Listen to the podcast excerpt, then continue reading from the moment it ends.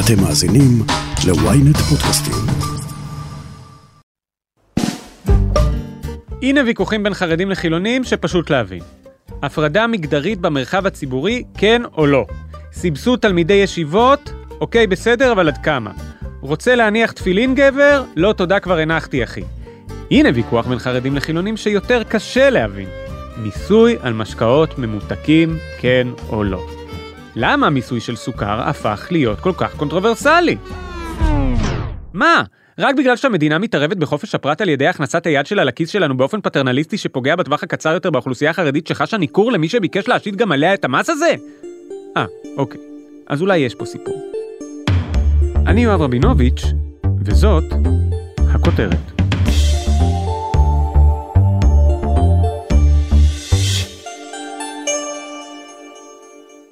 היום אכנס בעזרת השם למשרד האוצר ובפנינו אתגרים עצומים. כשכלכלות העולם בטלטלה, אנו נשאף למדיניות אחראית ולפעמים לא פשוטה, מדיניות של שוק פתוח של הסרת חסמים ומכסים.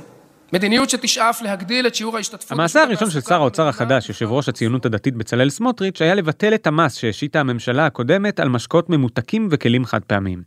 יצוין שגם סמוטריץ' בעצמו התנגד בזמן אמת למס, יותר מתוך שיקולים של חופש הפרט, אבל נראה שההתנגדות המרכזית הייתה של המפלגות החרדיות, ומתוך תחושת רדיפה מצד שר האוצר ליברמן, או כך לפחות הן הציגו את זה.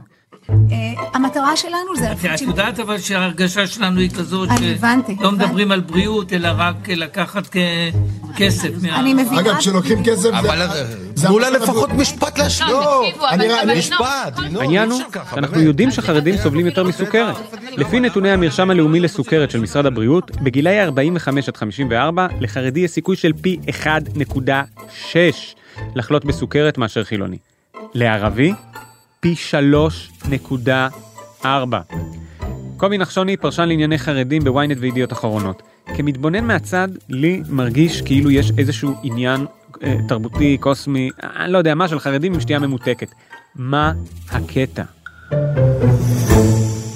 אה, חולשה אנושית אה, בסיסית שכולנו מכירים. תגיד, אתה מוצא את עצמך לפעמים פותח מקרר באמצע הלילה. אין לי מושג על מה אתה מדבר. אתה לא יודע מה זה מקרר? מקרר באמצע הלילה, אני... טוב, אתה אדם מיוחד, אתה גם נראה טוב, תודה רבה. אבל אה, להשאיר את זה בפנים בבקשה, כן. אנשים נורמליים, אה, אתה יודע, נופלים פה ושם, יש להם חולשות לסוכר, חולשות לאורח חיים לא בריא, והכל שאלה של איזונים בין המודעות שלך לסכנה, לבין מידת ההקרבה שנדרשת ממך כדי להימנע מאותה סכנה. אתן לך דוגמה דווקא לא מהמשקאות הממותקים, אלא מהחד פעמי. אוקיי. חד פעמי, אני חושב שאין חרדי שלא שמע על משבר האקלים.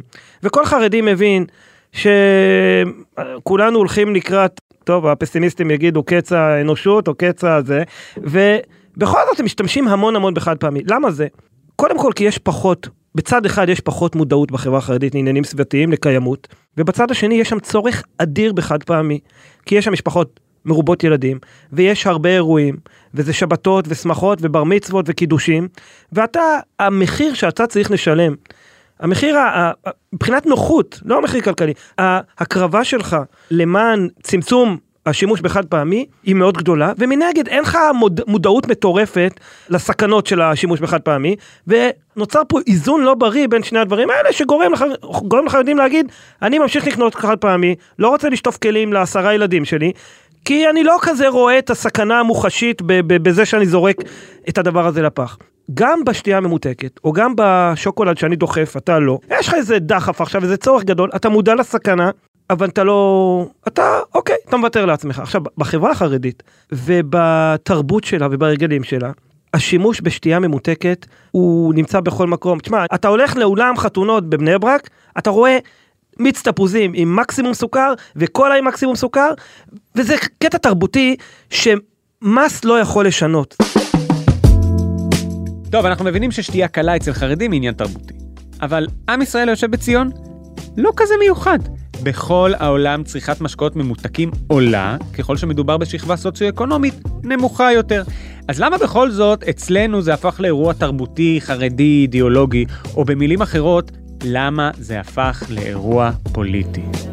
וחלק משינויים הם לא נוגעים לתקציב, זה לא להביא כסף לתקציב, זה לשנות דפוסי התנהלות שהם פשוט בלתי סבירים. אם אני לוקח מס המשקאות הממותקים, מדינת ישראל אחת המדינות עם צריכת סוכר הכי גבוה בעולם פר נפש. אז, אז כאן הגיע, ואי אפשר להפריד את זה מהפוליטיקה, הגיע ליברמן.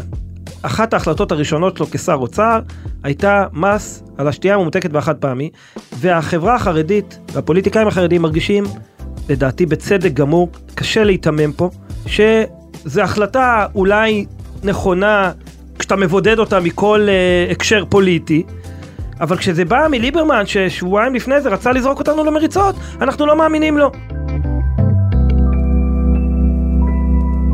כשזה נוגע לכלים חד פעמיים עוד איכשהו הייתי מבין כי יותר חרדים משתמשים יותר בכלים חד פעמיים ויש להם משפחות גדולות ויש פה איזה עניין שהוא מאוד ברור ומובהק. אבל בסוכר גם אם לחרדים סובלים יותר מסוכרת ואז אתה אומר אולי זה היה עוזר להם יותר המיסוי על סוכר משפיע על כולנו. אני אמנם לא אוכל לא שותה קולה חס וחלילה אבל אם הייתי שותה אוקיי אני שותה קצת אז הייתי משלם יותר. גם אני. אז למה החרדים תופסים את זה כמשהו שנועד לפגוע דווקא בהם? א', כי אצלם השיקול הכלכלי של עוד שקל לליטר הוא יותר מוחשי, זה ממש שקל שאם לא הולך לשתייה ממותקת ילך למשהו אחר, לא הולך חסכונות, ואנחנו יודעים איך החרדים חיים בתנאי עוני וסופרים שקל לשקל, כלומר התמריץ הכלכלי פה אצלם הוא הרבה יותר משמעותי. בנוסף, כמו שאמרנו, החרדים שותים יותר שתייה ממותקת, זאת אומרת למרות הצמצום הכלכלי זה עניין תרבותי. כן. תרבותי וחינוכי והסברתי ועניין של מודעות, אנחנו שותים יותר, השקל הזה הוא חשוב לנו יותר, ובצירוף שני המרכיבים האלה ברור לנו שכשליברמן הטיל את המס הזה, זה היה מכוון נגדנו. עכשיו, מה אומרים החרדים? הם לא אומרים, סבבה שהילדים שלנו ישתו קולה. ליברמן הרשע, המן הרשע רוצה למנוע מאיתנו קולה, ואנחנו לא, אנחנו אה, דבקים בקולה. זה לא אמירה, הם מבינים, וכמו שאמרת, הם מבינים שהסוכר פוגע, ופוגע בהם יותר, לפי הנתונים, אבל הם טוענים לא ככה, נלחמים בו. ברגע שאתה אה, מטיל עלינו מס ופוגע לנו בכיס במשהו שהוא מבחינתנו הוא הלחם והחמאה, אתה לא באמת מונע צריכה של שתייה ממותקת, אתה רק פוגע לנו בכיס. אם היית באמת רוצה למנוע את הצריכה, היית משקיע כסף בהסברה, בחינוך, בדברים אחרים, שאנחנו איתך, ליברמן, אנחנו איתך, אנחנו גם רוצים לצמצם. אבל מה שאתה עשית הוא רק גול עצמי, הוא, הוא רק מעורר תגובת נגד, והוא לא באמת עושה את העבודה. אז עכשיו הכדור עובר אליהם. הם בממשלה, הם בשלטון, הם הפריץ של עצמם. מה הם עושים עכשיו כשהכדור עבר אליהם? מצד שני, החברה החרדית, וה... אני מדבר עכשיו על אה, הרגלים אידיאולוגיים אולי, אבל זה, זה נוגע גם ל, ל, לעניינים תרבותיים. החברה החרדית הוכיחה שתמריצים כלכליים, וכלכליים בלבד, לא עובדים עליה.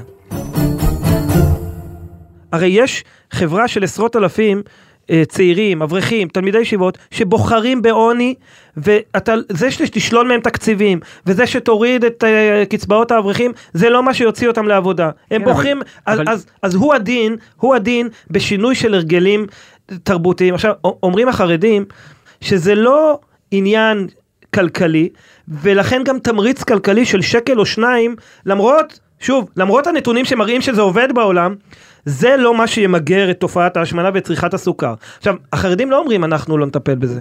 חרדים אומרים, וזה באמת אמירה קצת ילדותית, לזה אתה רומז, ואני מסכים איתך לגמרי, מה החרדים אומרים? בגלל שזה בא מליברמן, כן. אנחנו דווקא נשתה סוכר. את מי אתם דופקים? אתם דופקים את עצמכם. אבל הם אומרים, קודם כל אנחנו נמחק את גזרות ליברמן, את מורשת ליברמן, ואנחנו נטפל בסוכר כמו שצריך לטפל, בהסברה, בחינוך, בכניסה לבתי ספר, בשינויים תרבותיים שהם מאוד איטיים, אבל הם עוזרים יותר מאיזושהי גזרה שבאה מבחוץ, משר אוצר שאנחנו יודעים כמה הוא עוין אותנו. אוקיי, בואו נפסיק לדבר על סוכר ונתחיל לדבר על סוכרת, כי בסוף, אלא אם אתם חושבים שהמיסוי נועד רק לפגוע בחרדים, יש פה לפחות גם ניסיון להוריד את התחלואה. כי בישראל יש סוכרת, והרבה. כמה אנחנו מתוקים? הודעה קצרה ומיד נמשיך עם הכותרת. ynet רדיו, הרדיו הדיגיטלי הראשון בישראל, מחכה לכם בכל מקום ובכל זמן שתבחרו, עם נבחרת המגישים שלנו ומיטב התוכניות. ynet רדיו, להאזנה באפליקציה ובאתר ynet. פרופסור חגי לוין, יושב ראש איגוד רופאי בריאות הציבור ופרופסור לאפידמיולוגיה באוניברסיטה העברית והדסה, האם אתה יכול להגיד לנו מה תמונת המצב בישראל מבחינת סוכרת, ומה החלק של שתייה ממותקת? תמונת המצב אה, בישראל אה, מאוד עגומה, אנחנו יחסית מדינה מובילה בעולם בנזקים בריאותיים כתוצאה מסוכרת והשמנה. אנחנו מדברים על אה, סדר גודל של עשרת אלפים ישראלים שמתים כל שנה מסוכרת והשמנה. כמובן שהשכיחות, ההימצאות של סוכרת עולה עם קבוצות הגיל, וכך למשל אם נסתכל על קבוצת הגיל מעל גיל 65, אפשר לראות שבאוכלוסייה החרדית אנחנו מדברים על אה, סדר גודל של 30 אחוז, באוכלוסייה היהודית לא חרדית על סדר גודל של 25 אחוז, ובאוכלוסייה הערבית אפילו מדברים על סדר גודל של 48 אחוז. אז באמת זה שיעורים אה, בלתי נתפסים שמעידים על, ה, על הנזק החמור למשקאות. יש תרומה מאוד גדולה לעניין הזה, אה, לפי הערכות כ-50 אחוז מהסוכר העודף, הסוכר המוסף שאנחנו הישראלים צורכים מקורו בשתייה המתוקה, כך שזה מקור מאוד מרכזי, לא משהו זניח. אנחנו יודעים ממחקרים בעולם ששתייה המתוקה היא גורם מרכזי לתמותה, לעיוורון, לסיבוכי הסוכרת, אי ספיקת כליות, כיוון שמבחינה פיזיולוגית המשקאות, הסוכר נספג מהר, אין את פעולת הבליעה, וכך אנשים יכולים לצרוך כמות אדירה מבלי לשים אה, לב בכלל, ובכך לגרום לפגיעה בלב שלהם. אוקיי, okay, אז הבנו שיש הרבה סכרת בארץ, הבנו שהתרומה של שתייה ממותקת לזה היא גדולה, אבל כמה המס הזה שהטילו על הסוכר, שכבר גם קידמו אותו בעולם, כמה הוא משנה את המצב הזה מההשוואה שאנחנו יכולים לערוך במדינות אחרות? אז קודם כל אה, מחקרים אה, בעולם הראו אה, תועלת רבה לכזה מס, מדברים על סדר גודל שאם אתה מטיל מס בגובה של 20%, אתה מצפה לראות סדר גודל של 20% ירידה בצריכה. בישראל, לפי נתוני בנק ישראל, הייתה ירידה של 22 במכירות של משקאות עתירי הסוכר, הירידה למעשה התחילה לפני, ואם לוקחים גם את אה, קו המגמה שהתחיל עוד לפני עם השיח הבריאותי במדינת ישראל, אז אולי הירידה היא קצת פחות מ-22 אחוזים, אבל זה בהחלט ירידה מאוד משמעותית, שאם היינו יכולים לתרגם אותה לבריאות, קרוב לוודאי שהמשמעות שלה שאצלנו במרכז הרפואי הדסה ובמרכזים הרפואיים האחרים בישראל היינו רואים ירידה בקטיעות גפיים, שישראל היא מקום שני בעולם בנתון הזה, אה, ירידה בעיוורון, באי ספיקת כליות, בנזקים לשיניים, אה, נזקים אה, רבים שהמשקאות הללו גורמים לבריאות שלה. עכשיו חוץ מהשאלה, ה... במקרה שלנו החרדית, יש פה בכל זאת איזשהו מתח. המדינה מבקשת להכווין התנהגות באמצעות מס. עכשיו נכון שזה פוגע לנו בבריאות, סליחה, של שתייה ממותקת, אבל גם אכילת בשר פוגעת כמובן בכמויות מסוימות ובשר מסוים. יש עוד הרבה דברים שאנחנו עושים שפוגעים לנו בבריאות, שהמדינה לא מתערבת כי יש לנו זכות לעשות אותם. למה דווקא שתייה ממותקת? למה שם ראוי שהמדינה תתערב? שאלה מצוינת. קודם כל ראוי לזכור שמיסוי זה צעד חלש. יש מדינות בעולם, למשל בנושא הכלים החד פעמיים, שאוסרות לחלוטין את השימוש באותם אה, מוצרים. אז אה, חופש הבחירה נשמר כל בן אדם יכול, אם הוא רוצה, בכל זאת, להמשיך ולקנות גם אם המחיר מעט יותר גבוה. צריך גם לזכור שחברות המשקאות הן אלה שפוגעות בחופש הבחירה, כאשר הן דוחפות לנו ממש לגרון כל הזמן בפרסומות בלתי פוסקות ובכל מקום ובמאמצי שיווק ולפעמים אפילו בחלוקה בחינם בכל מיני מקומות את המוצרים הקטלניים שלהם. אז אני חושב שה... אבל זה במסגרת השוק החופשי, השאלה היא מתי המדינה מכניסה את היד שלה לכיס שלנו ולמה? ולמה דווקא בשתייה ממותקת זה אה, נתפס יותר לגיטימי על ידי אה, רופאי בריאות ציבור, על ידי ארגון הבריאות העולמי? מה הופך את השתייה ממותקת לאיזושהי טריטוריה? אני אסביר, אבל אני רוצה להגיד את זה בש, בשני צירים. בציר אחד, אכן המיסוי צריך להישמר באמת למוצרים שהנזק שלהם אה, גדול במיוחד, שיש להם סכנה חמורה לבריאות הציבור, וזה מה שנעשה עם מוצרי הטבק.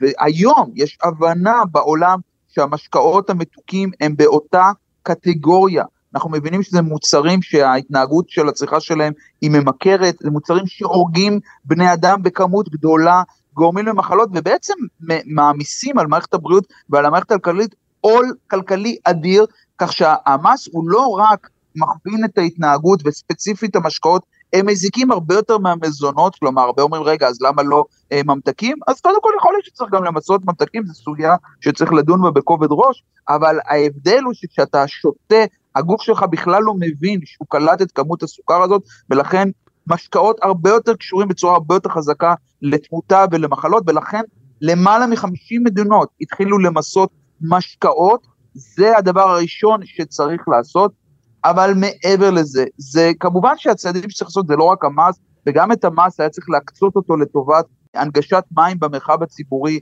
אה, ולטובת הוזלת אה, פירות וירקות, אבל כאן יש חלופה, בסדר? מים, יש חלופה זולה ובריאה, ולכן מאוד ברור שכשאתה ממסה את, ה, את המשקאות, אתה בעצם מאפשר לציבור, במיוחד לציבור העני יותר, לעבור לחלופה הזולה והבריאה יותר, ובכך אתה בעצם מצמצם פערים בריאותיים וגם מקל עליו מבחינה כלכלית.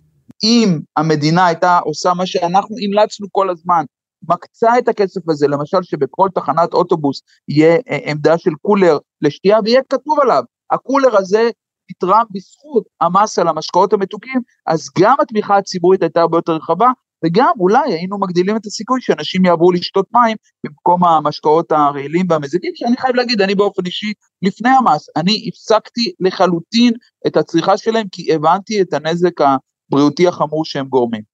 כפרופסור לרפואה ציבורית וכיושב ראש איגוד רופאי הציבור בישראל, אתה עוסק בבריאות כמדיניות או במדיניות של בריאות.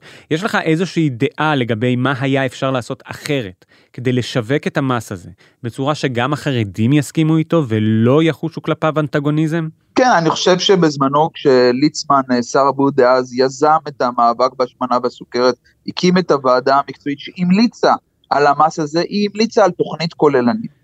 וזה הדבר שלא בוצע כאן.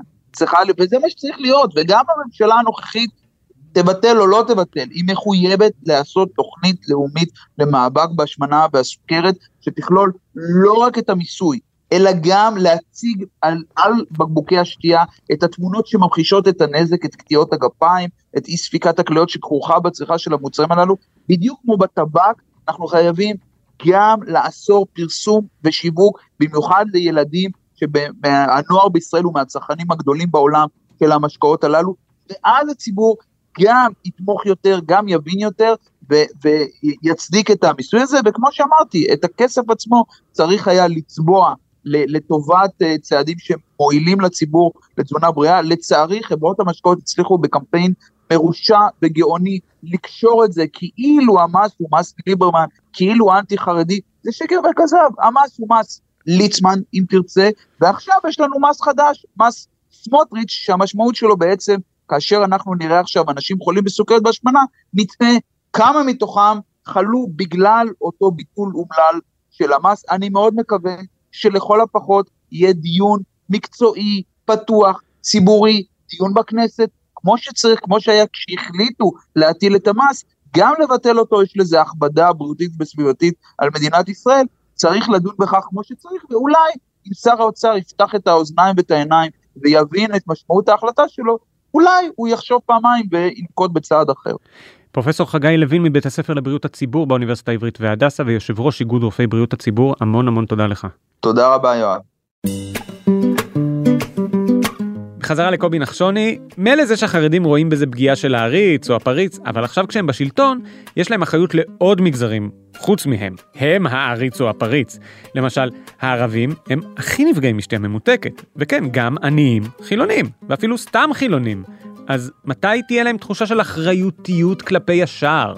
אתה נוגע פה בנקודה מרתקת אחרת שאפשר uh, להקדיש לה פרק שלם, והיא התפיסה החרדית שפעם הייתה מאוד מאוד מגזרית, ובוא, גם היום היא מגזרית, ואנחנו רואים את ההסכמים הקואליציוניים, כמה הם דואגים למגזר, אבל פעם החרדים לקחו תפקידים שנוגעים רק להם.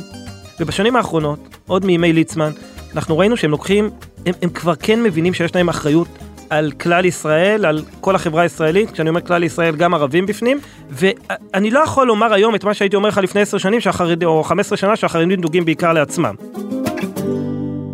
עכשיו, אתה שואל לגבי ה... המהלכים האלה, אתה אומר, החרדי כאילו אה, נלחם עכשיו פוליטית בליברמן, אבל הוא פוגע בסוף בסוף באוכלוסיות חלשות ובערבים. אבל אני רוצה להזכיר לך שליצמן כשר בריאות, הוא זה שהוביל למשל את סימון המוצרים של שומן רווי, של מתיקות אה, איך זה נקרא? במתיקות גבוהה. ואני לא בטוח שאותה מדבקה אדומה שאתה הולך בסופר וקופצת לך לעין, יש פה ים בסוכר, היא לא יעילה יותר משקל או שניים שאתה תרגיש בקופה אולי ואתה, ואתה מדחיק. כלומר, אי אפשר לומר שהחרדים לא נלחמים בהשמנה, למרות הנתונים על תחלואה מוגברת אצל החרדים, יש מודעות בריאותית מאוד גדולה בציבור החרדי, בקהילה, בחצרות. ב- בארגוני חסד שמתעסקים כמעט כולם בבריאות, זאת אומרת, המודעות קיימת, נכון שיש עוד הרבה מה לתקן והרבה מה לשפר, אבל א', המודעות קיימת, וב', אתה רואה שנעשים דברים, ואי אפשר לומר שליצמן, שכבר לפני עשור עשה את המהלך הזה של סימון מוצרים, לא חשב על בריאות, לא רק לחברה החרדית, אלא גם לחברה הכללית. ואני לא יודע, ימים יגידו מה עבד יותר, אותו סימון של מוצר, או השקל של אה, ליברמן שהשית על הכיס החרדי. קובי נחשוני, פרשננו לענייני חרדים, תודה רבה לך. תודה, תודה. הנה הסיפור לדעתי. בכל העולם מיסוי משקאות ממותקים יושב על מתח. האם המדינה צריכה לכוון התנהגות באמצעות מיסים? זו שאלה גדולה. אם אני אפרוט אותה לעוד מילים, זה האם למדינה יש זכות להשתמש בכוח העצום שלה על מנת לפגוע בחירות הכלכלית של הפרט ובשוק החופשי כדי למנוע באופן פטרנליסטי, כלומר שהיא חושבת שהוא ראוי, פגיעה בפרט, חולי, כריתת גפיים, וגם בחברה, המחיר הכלכלי של חולי בסוכרת. אבל בישראל, וזה ספציפית בישראל, הוויכוח הוא לא רק על זה, הוא על תום ליבם של הצדדים השונים אחד כלפי השני. ואת הוויכוח הזה לא ניתן לפתור בהיגיון, אלא רק באמון.